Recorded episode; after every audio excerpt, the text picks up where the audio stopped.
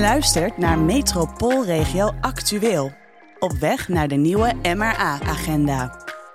Welkom bij Metropoolregio Actueel.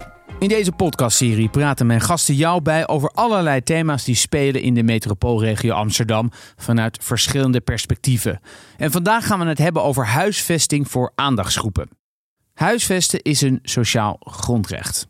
En een thuis voor iedereen is een landelijk programma dat inzet op voldoende betaalbare woningen voor een breed scala aan aandachtsgroepen. Negen groepen wel te verstaan. Ik ben benieuwd hoe de MRA dit programma ondersteunt. Want naast het toekomstbestendig bouwen, waar wij in aflevering 2 over spraken, zullen voldoende betaalbare woningen niet van de ene op de andere dag ontstaan. Gelukkig ben ik vandaag in het gezelschap van meerdere experts om dit onderwerp uit te pluizen. Mijn naam is Frank Kromer en we beginnen deze aflevering met Vrouwtje de Jonge, wethouder Sociaal Domein in Almere en voorzitter van de stuurgroep Huisvesting Aandachtsgroepen van de MRA. Nettie van Triest, programmaleider Een Thuis voor Iedereen bij onderzoeks- en kennisinstituut Platform 31. En Pieter Schipper, belangenbehartiger onder meer voor het dossier huisvesting aandachtsgroepen bij de branchevereniging EDES. Vrouwtje, kan jij ons eens meenemen in dat uh, programma en wat eigenlijk de belangrijkste doelen zijn? Los van natuurlijk ervoor zorgen dat iedereen een huis kan hebben. Nou, ik vertaal het even naar mezelf als uh, uh, wethouder in een gemeente, dan is het belangrijkste doel dat je gemeente instrumenten in handen geeft om de verdeling van dat uiterst schaarse goed, namelijk een betaalbare huurwoning, uh, over al allerlei verschillende groepen van inwoners die daar recht op hebben en die daar zelfs enorme behoefte aan hebben, maar dat nu niet krijgen om je een instrumentarium te geven om dat eerlijker en beter te verdelen. En over wat voor groepen hebben wij het dan? Het is verdeeld onder negen aandachtsgroepen, dat is heel veel. Maar je moet denken aan iedereen die niet gewoon op een reguliere wachtlijst staat te wachten op een woning terwijl hij al een woning heeft of bij zijn ouders woont. Dus dan hebben we het dus over dan heb je het over sociaal urgenten. Nee, mhm. mensen die in een vechtscheiding zitten en uh, waarvan het voor iedereen beter is dat een van de twee partners het huis uh, verlaat. Uh, je hebt het over um, grote groep. Grote groep is wel de statushouders. Dus mensen die gevlucht zijn en een verblijfsvergunning hebben gekregen in Nederland, gekoppeld zijn aan de gemeente en in die gemeente een woning moeten krijgen. je hebt het over uitstroom uit de maatschappelijke opvang, uitstroom uit vrouwenopvang. Uh, je hebt het over uh, jongeren die in de jeugdzorg zitten en uh, eh, 18 jaar zijn geworden en dus uit de jeugdzorg moeten, maar wel een huis nodig hebben. Um, nou ja, dat zijn zo een aantal groepen. Kunt u daar eens over, meer over vertellen over die keuzes? De, in de hele MRA-regio is er echt een enorm tekort aan betaalbare sociale huurwoningen. Die aandachtsgroepen worden ook vaak wel getypeerd door het feit dat het uh, vaak mensen alleen zijn. Niet alleen hoor, maar wel vaak uh, uh, mensen alleen. Dus dan zoek je al helemaal in een heel speciaal segment. En wat al deze aandachtsgroepen typeert, is dat, ze, dat je ze eigenlijk niet op een wachtlijst kan zetten. Want ze zijn namelijk urgent mm -hmm. verklaard. Dus ze hebben urgent een woning nodig. Eigenlijk gaan deze groepen allemaal voor op de reguliere woningzoekende. Maar omdat het tekort zo groot is, dat we zelfs voor de urgenten onvoldoende woningen hebben, is het probleem dat je dus mensen met een urgentie in een buitengewoon lastige situatie niet geeft waar ze recht op hebben, mhm. een betaalbare huurwoning. En dan hebben we het helemaal nog niet over de regulier woningzoekenden. Want die komen eigenlijk bijna nergens meer aan bod. Nettie, als ik naar jou uh, ga, hoe, hoe, kijk jij naar die keuzes? En, en kan je misschien ingaan op, ja, uh, op welke wijze er afspraken worden gemaakt? Uh, regionaal, lokaal. Wat, wat zien jullie daar? Uh, je hebt uh, te maken met een, een, heel groot verdeelvraagstuk, terwijl je weet dat er te weinig sociale woningvoorraad is. Um, wat uh, ook aanleiding is voor het programma En Thuis voor Iedereen, hè, um, die, die, heeft een, een aantal doelen, waaronder een rechtvaardige, evenwichtige verdeling van de sociale woningvoorraad. Maar ook om te zorgen dat er voor de aandachtsgroepen waar we het hier over hebben, de bijbehorende zorg en dienstverlening geleverd wordt. En in een aantal gevallen, uh, zoals bijvoorbeeld bij arbeidsmigranten, maar ook bij statushouders, uh, woonwagenbewoners, zijn er vaak uh, hele specifieke behoeften. Uh, bijvoorbeeld een specifieke locatie of specifiek beheer, nou, noem maar op. Ehm, en wat je ziet is dat je um, dat de afgelopen jaren dat iedere gemeente daar op zichzelf eigenlijk wel mee bezig was. Maar uh, dat je zag dat de, uh, de optelsom niet automatisch leidde tot een oplossing voor een hele regio of voor deze aandachtsgroepen. Um, want uh, als de ene gemeente kiest van nou, ik leg het accent op bijvoorbeeld arbeidsmigranten, dan betekent het dat de andere gemeente automatisch de andere groepen op zijn wachtlijst krijgt. wat eigenlijk de zes koplopersregio's, waarvan de MRA er één is, als allereerst doen, is het gezamenlijk in beeld brengen. Waar hebben we het nou eigenlijk precies over? Over welke aantallen hebben we het? En hoe is de huidige verdeling? Want de huidige verdeling is vaak heel erg scheef. Uh, de grootste gemeente, centrumgemeente meestal, die heeft vaak de grootste instroom. Je ziet ook dat de woningvoorraad vaak heel verschillend is. Uh, in grotere gemeenten heb je veel meer kleine woningen, uh, studio's en tweekamer appartementen. Terwijl je in de randgemeente, de regiogemeente, vaker eengezinswoningen voorraad hebt. Nou, je kan je voorstellen dat uh, uh, als je gaat praten over oplossingen, van hoe kan je nou komen tot een evenwichtige en rechtvaardige verdeling over gemeenten, zodanig dat niet alleen aandachtsgroepen um, uh, een woning gaan krijgen, maar dat er ook nog woningvoorraad overblijft voor de starter bijvoorbeeld. Uh, dat het heel helpend is om dat inzicht te krijgen. Laten we naar jouw gemeente kijken. Hoe, als we naar Almere kijken, hoe groot is het tekort en, en hoeveel mensen staan op wachtlijst? Hoeveel mensen hebben urgentie? Hoe, wat, voor, wat voor aantallen hebben we het dan over? Daar hebben we zo'n 24.000 mensen die actief woningzoekend zijn. En inmiddels is het zo dat we al zoveel aandachtsgroepen hebben geplaatst in de vrijkomende woningen in Almere. Uh, dat uh, de mutatiegraad achteruit dendert. Want hoe meer uh, mensen met een hele kleine beurs je in een sociale huurwoning hebt, hoe minder ze, ze doorverhuizen. Ja. Dus, dus je haalt eigenlijk alle mutatie er ook een beetje uit. Dus de kansen worden niet groter, maar Wordt steeds, kleiner. Steeds kleiner. Ja. ja, dat is landelijk ook wel een trend. Dus je ziet eigenlijk het aantal verhuringen, terwijl er toch best wel wordt bijgebouwd. Dus het aantal mutaties, wat je zei, zie je eigenlijk nog steeds op hetzelfde niveau blijven of zelfs een beetje dalen. En met name op de plekken waar het echt heel erg, waar de druk heel erg groot is. Sociale huurwoning, dan, dan denkt iedereen meteen aan woningcorporaties. Uh, nou, Ede is de koepel. Wat zie jij gebeuren? Zie je daar een onoplosbaar probleem? Of denk je nou, ik zie best wel wat mogelijkheden ontstaan? Ik denk niet dat het een uh, onoplosbaar probleem is. Maar ik denk dat het op dit moment wel heel ingewikkeld is. En ook heel ingewikkeld is gemaakt. Het is natuurlijk jarenlang geweest dat er een enorme druk op de corporaties was om de verhuurderheffing te moeten betalen. En je ziet nog steeds allerlei belastingenstelsels waar je eigenlijk als corporatie ook last van hebt. Waardoor er veel minder gebouwd kan worden dan je eigenlijk uh, zou willen als uh, woningcorporatie. En dan zie je überhaupt dat de vastgoedontwikkeling in Nederland op dit moment heel erg lastig is om um, uh, te realiseren. Dus er zijn allerlei zaken die daar natuurlijk meespelen. Locaties, um, veel gedoe met inspraak en vergunningen. Um, de stikstofproblematiek die mee te maken heeft, waardoor er veel minder gebouwd kan worden dan corporaties zouden kunnen doen als je kijkt naar het investeringsvermogen wat corporaties hebben. En dat is natuurlijk enorm zonde, want volgens mij is die nou, niet volgens mij, dat weet ik wel zeker. Die woning is misschien wel de belangrijkste tool om iemand uh, en dus ook die aandachtsgroepen een goed leven te gunnen. Dat is een belangrijke voorwaarde om ervoor te zorgen dat mensen goed kunnen leven. Is er iets wat corporaties dan anders zouden kunnen doen om toch ja, een, een thuis voor iedereen te realiseren? Huizen blijven bouwen en ervoor zorgen dat die ook bij aandachtsgroepen terechtkomen. Ik denk dat dat echt het belangrijkste is wat corporaties kunnen doen. Maar de rol die corporaties natuurlijk ook hebben, is dat ze um, heel goed weten wie er bij die corporatie woont. Dus uh, wij hebben monteurs die in de wijken komen.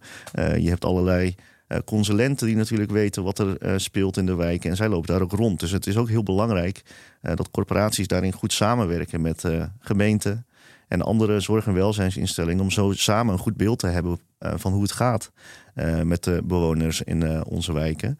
En ervoor te zorgen dat we dan telkens kijken wat we, hoe, we, hoe we die bewoners het beste kunnen helpen om zo goed mogelijk te wonen. Ja, Jullie zijn, zoals het zo mooi heet, een hele belangrijke stakeholder. Hoe zie jij die samenwerking gaan tussen corporaties aan de ene kant en gemeenten aan de andere kant? Ja, dat is, dat is denk ik. Ehm, wij, wij zitten natuurlijk landelijk. Mm -hmm. En uh, je hebt plekken waar dat heel goed gaat.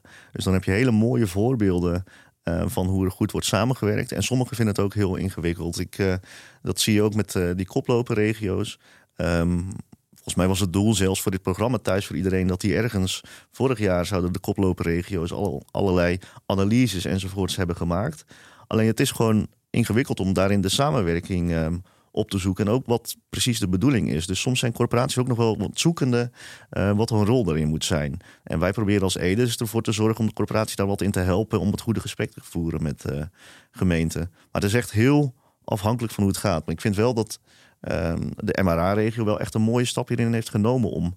Uh, hierin op zo'n niveau met 40 verschillende gemeentes. En ik weet niet hoeveel corporaties hier zitten, maar ik kan me voorstellen 25 tot 30 corporaties daarin um, de handschoen op te pakken. Hoe zorg je nou voor zo'n evenwichtige verdeling in de, in de MRA? Dat niet de ene gemeente zegt, nou, ik, ik doe dat allemaal en de andere weer dat. Nou, dat is eigenlijk de kern van waarom we deze stuurgroep hebben. Om te zorgen dat je de uh, mogelijkheden die iedere gemeente heeft maximaal benut.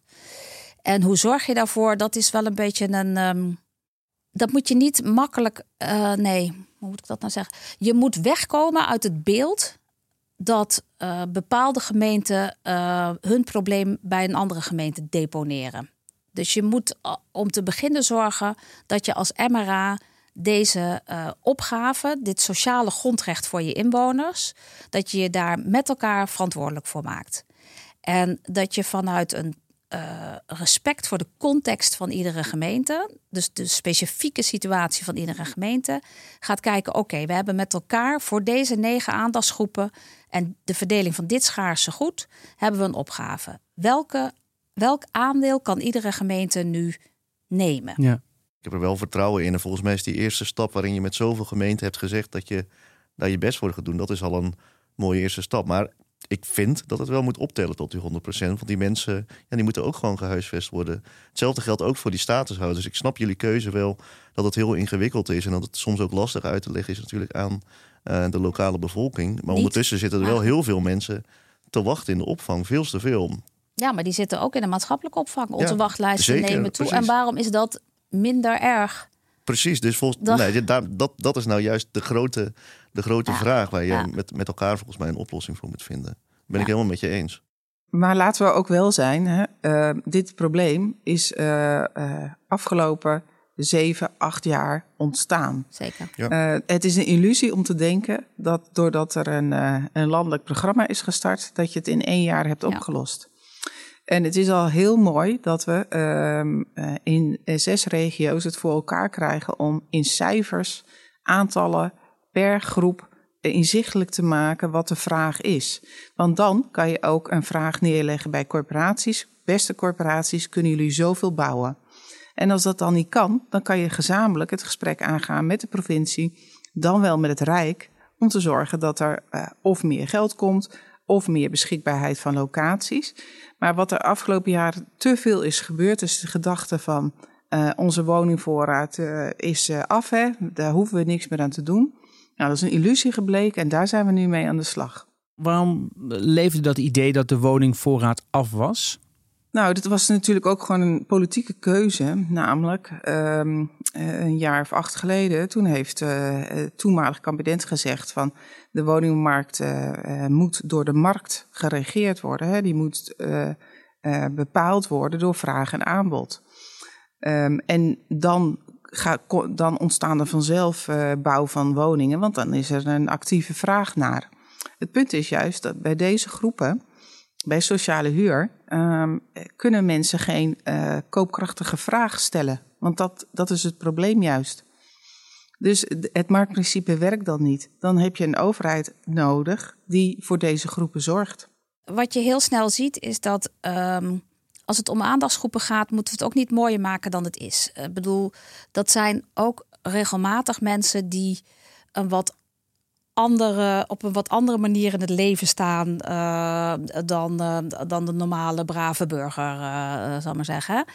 Dus daar kan je, die, die veroorzaken nog wel eens wat overlast in de buurt. Als je daar een te grote concentratie van bij elkaar hebt, dan creëer je een hele ingewikkelde, heel ingewikkeld en vervelend leefklimaat. Voor die mensen zelf en voor de mensen die eromheen wonen. Dat willen woningbouwcorporaties niet. Nee, maar dat is helemaal waar. Um, uh, wat je zegt. wat je natuurlijk ziet is dat aandachtsgroep, het aantal aandachtsgroepen is enorm toegenomen, terwijl de sociale voorraad amper is toegenomen. Ondertussen is er eigenlijk een cap op wat je mag verdienen. Dat was vroeger ook niet zo. Dus had je veel meer nog de, de middengroepen die ook in uh, sociale huurwoningen kwamen te wonen. Dus het is steeds meer een concentratie eigenlijk van uh, meer kwetsbare groepen. En dan moet je altijd kijken naar wat, wat, wat kan een wijk aan? Dus wat is de draagkracht van een wijk? Um, wat ze, wel, wie, welke buren wonen daar? Kunnen ze elkaar een beetje helpen? En zorg er ook gewoon altijd voor dat als je iemand huisvest, dat er ook altijd goede zorg en begeleiding is natuurlijk. En um, met name die concentratie van kwetsbare groepen voorkomen is wel echt heel belangrijk um, uh, binnen dit programma. Ja. En dat betekent dus ook dat er plekken moeten zijn waar je misschien soms ook woning gaat toevoegen in wijken waar nu misschien nog geen sociale huurwoningen zijn. Uh, als we nou eens kijken naar de corporatie, wat zouden zij nou echt nodig hebben vanuit de regio? Nou, ik denk een paar dingen. Um, maar de basis is toch gewoon plek om voldoende huizen te kunnen bouwen.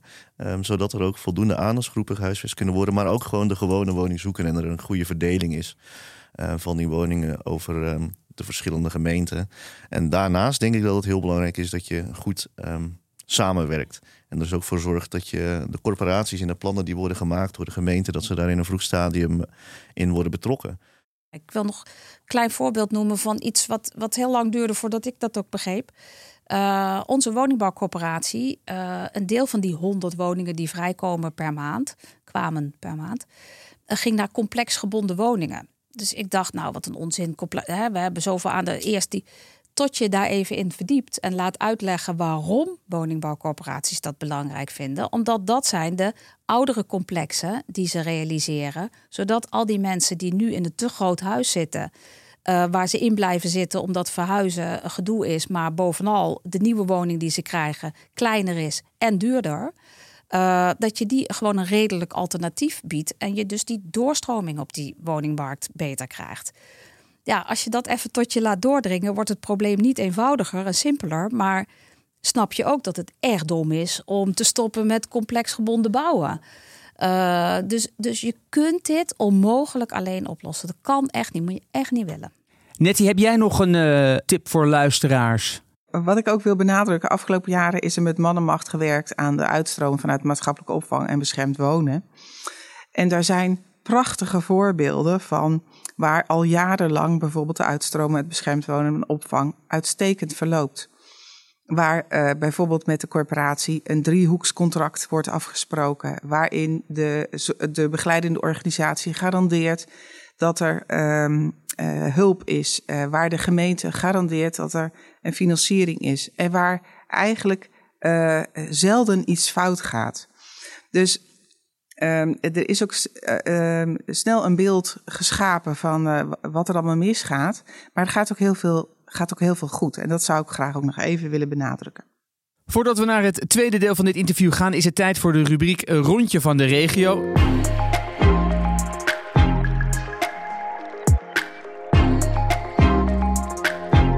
In elke aflevering behandel ik een stelling. En deze keer is de stelling: de komende jaren kan alleen nog maar gebouwd worden voor de huisvesting van aandachtsgroepen. We hebben deze keer geen inzendingen ontvangen. Dus de vraag aan jullie: wat vinden jullie van deze stelling?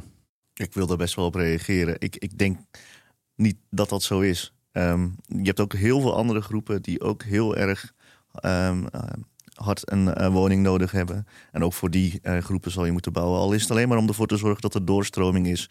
En er in totaal meer woningen vrijkomen. Juist ook weer voor die aanvalsgroepen. Maar dat er heel veel gebouwd moet worden. En ook over aanvalsgroepen. Ja, daar ben ik het wel mee eens. Nettie, wat vind jij? Nou, hopelijk niet. Het programma heet niet uh, voor niks een thuis voor iedereen. En een, een dak boven het hoofd is echt niet alleen weggelegd voor de aandachtsgroepen. Dat moet echt voor iedereen zijn.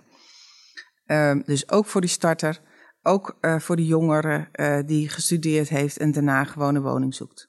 Is het haalbaar dat we voor iedereen huizen bouwen de komende jaren? Of is, zijn we gewoon, zitten we gewoon in de situatie dat we kunnen wel bouwen, maar ze gaan toch naar de aandachtsgroepen? Dat is het punt.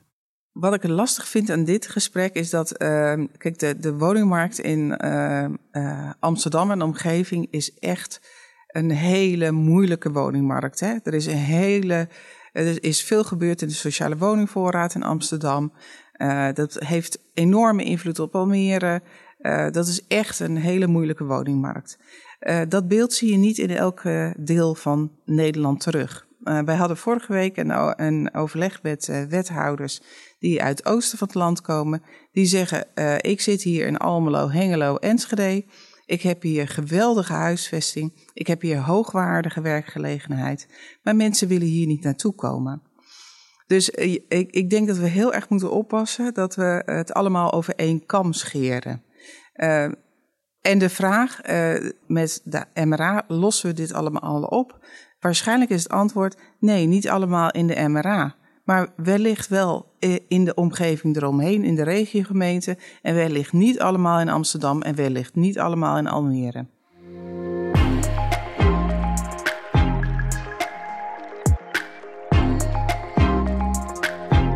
Laten we eens een kijkje gaan nemen in de praktijk.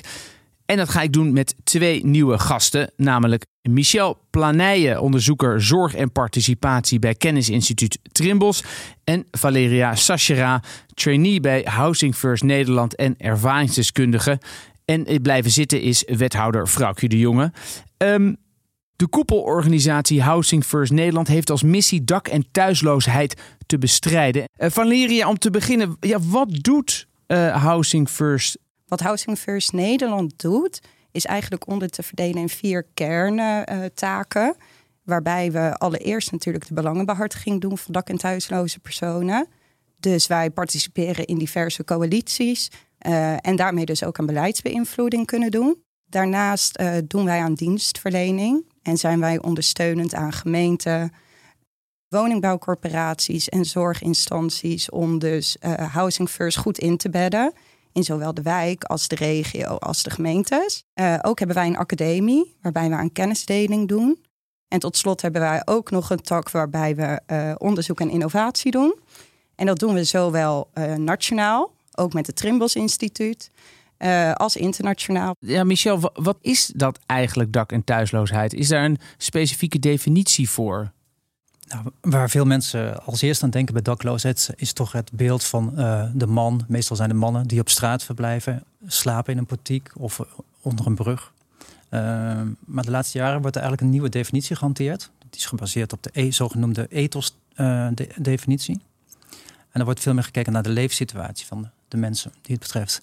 En dan zie je dat dakloosheid of thuisloosheid breder opgevat kan worden dan die persoon op straat. Dus er kan bijvoorbeeld iemand zijn die, die tijdelijk geen huis heeft en, en bij vrienden exact. slaapt of ja. bij familie. Ja, uh, dat zou je het breder kunnen uitleggen als een uh, gebrek aan volwaardige huisvesting. Of iemand die uh, in een onzekere woonsituatie verkeert. Dan gaat het inderdaad om de mensen die als voorbeeld gaf, maar ook mensen die in een vakantiepark noodgedwongen verblijven. om de maand bij andere vrienden of kennissen een nacht op de bank moeten doorbrengen. daarmee dus een veel bredere eigenlijk uitleg van dakloosheid dan de cliché dakloze persoon op straat. Wat als je nou naar wat jullie doen bij Housing First, weet je, je zit hier aan tafel omdat het een, een succesverhaal is. Wat doen jullie nou dat zo aanslaat? Nou, wat wij uh, dus doen, is eigenlijk mensen eerst huisvesten. En uh, wat er voornamelijk gebeurt in Nederland is, uh, wij werken volgens het klassieke woonladdermodel. Dat is eigenlijk een verdienmodel waarbij we zeggen mensen horen een woning te verdienen.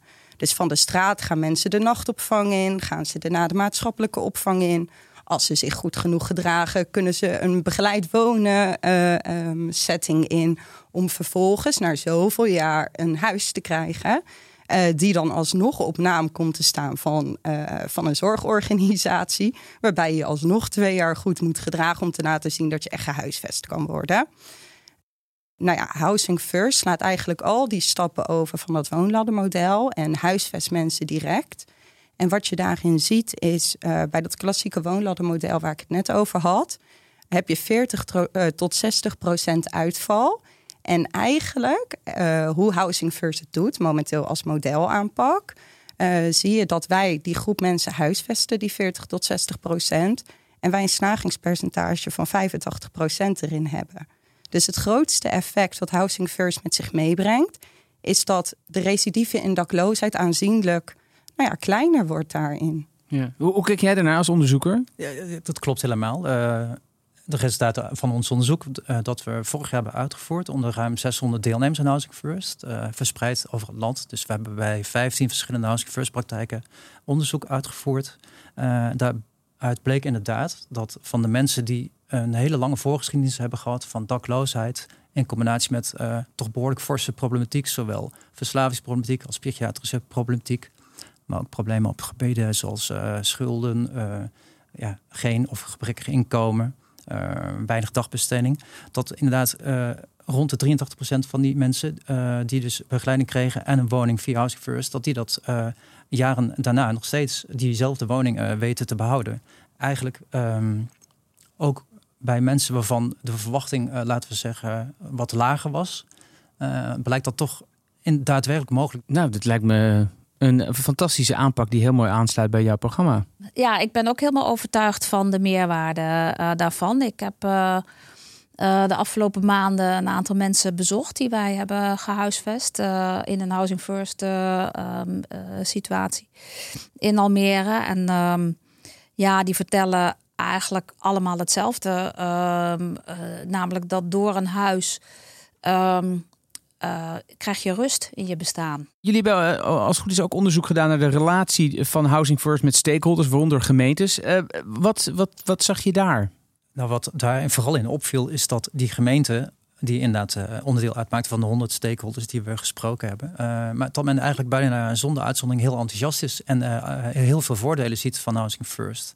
Nou is het vermoedelijk wel zo dat die stakeholders, uh, voornamelijk mensen waren die ook waren uh, geïnformeerd en voorgelicht door, uh, door Valeria en haar collega's. Dus Housing First Nederland of de Housing First praktijken zelf investeren daar ook in. Hè? Dus bekendmaken bij gemeenten en de woningcorporaties, de welzijnsorganisaties die te maken hebben met een persoon die via Housing First gehuis, gehuisvest wordt.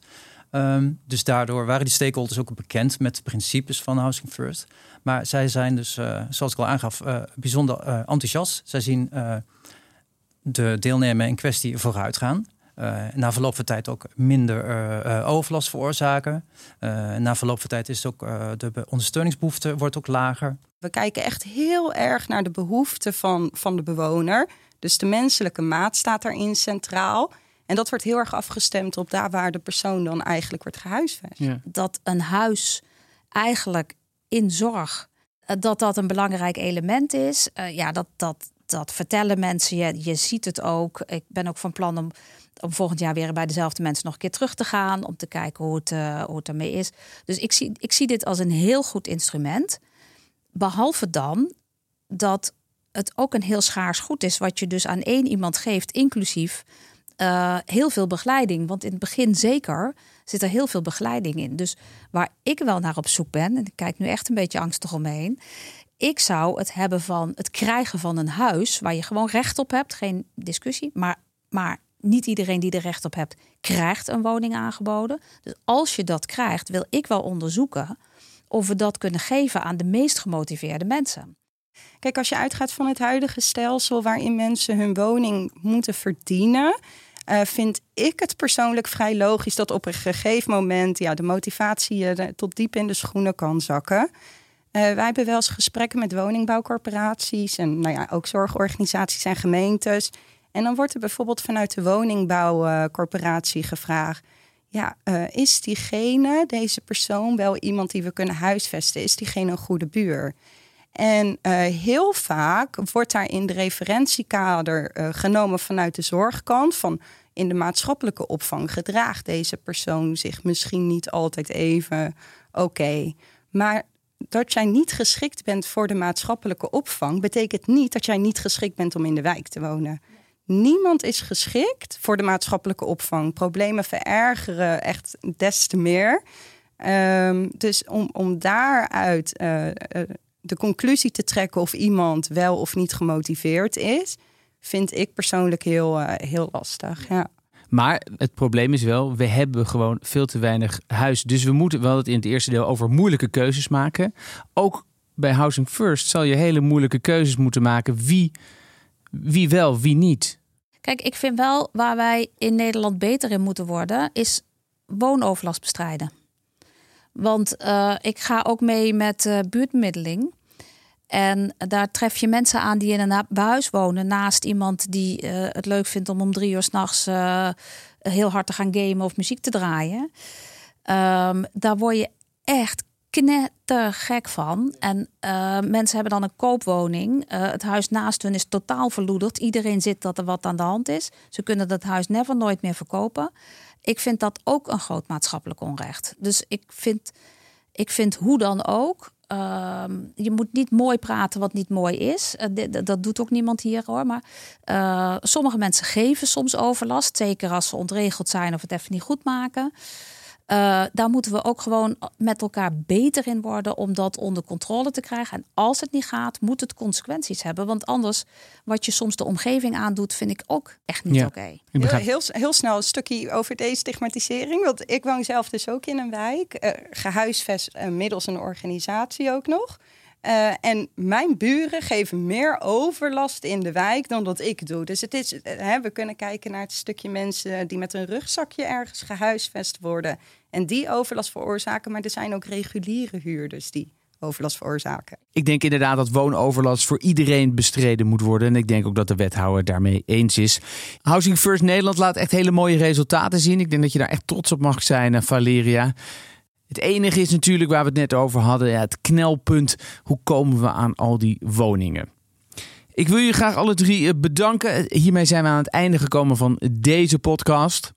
En voor we afsluiten leg ik onze luisteraars graag de stelling voor voor aflevering 5 die over water gaat. En deze luidt als volgt. Vanaf nu mogen we niet meer bouwen op plekken die gereserveerd zijn voor regenwateropvang. Stuur vooral jullie meningen en ideeën in via 06 148 248 94 of info@metropoolregioamsterdam.nl. Wil je nou op de hoogte blijven van de ontwikkelingen? Zie www.metropoolregioamsterdam.nl en abonneer je vooral op deze podcast in jouw favoriete podcast-app. Mijn naam is Frank Kromer. Tot de volgende keer.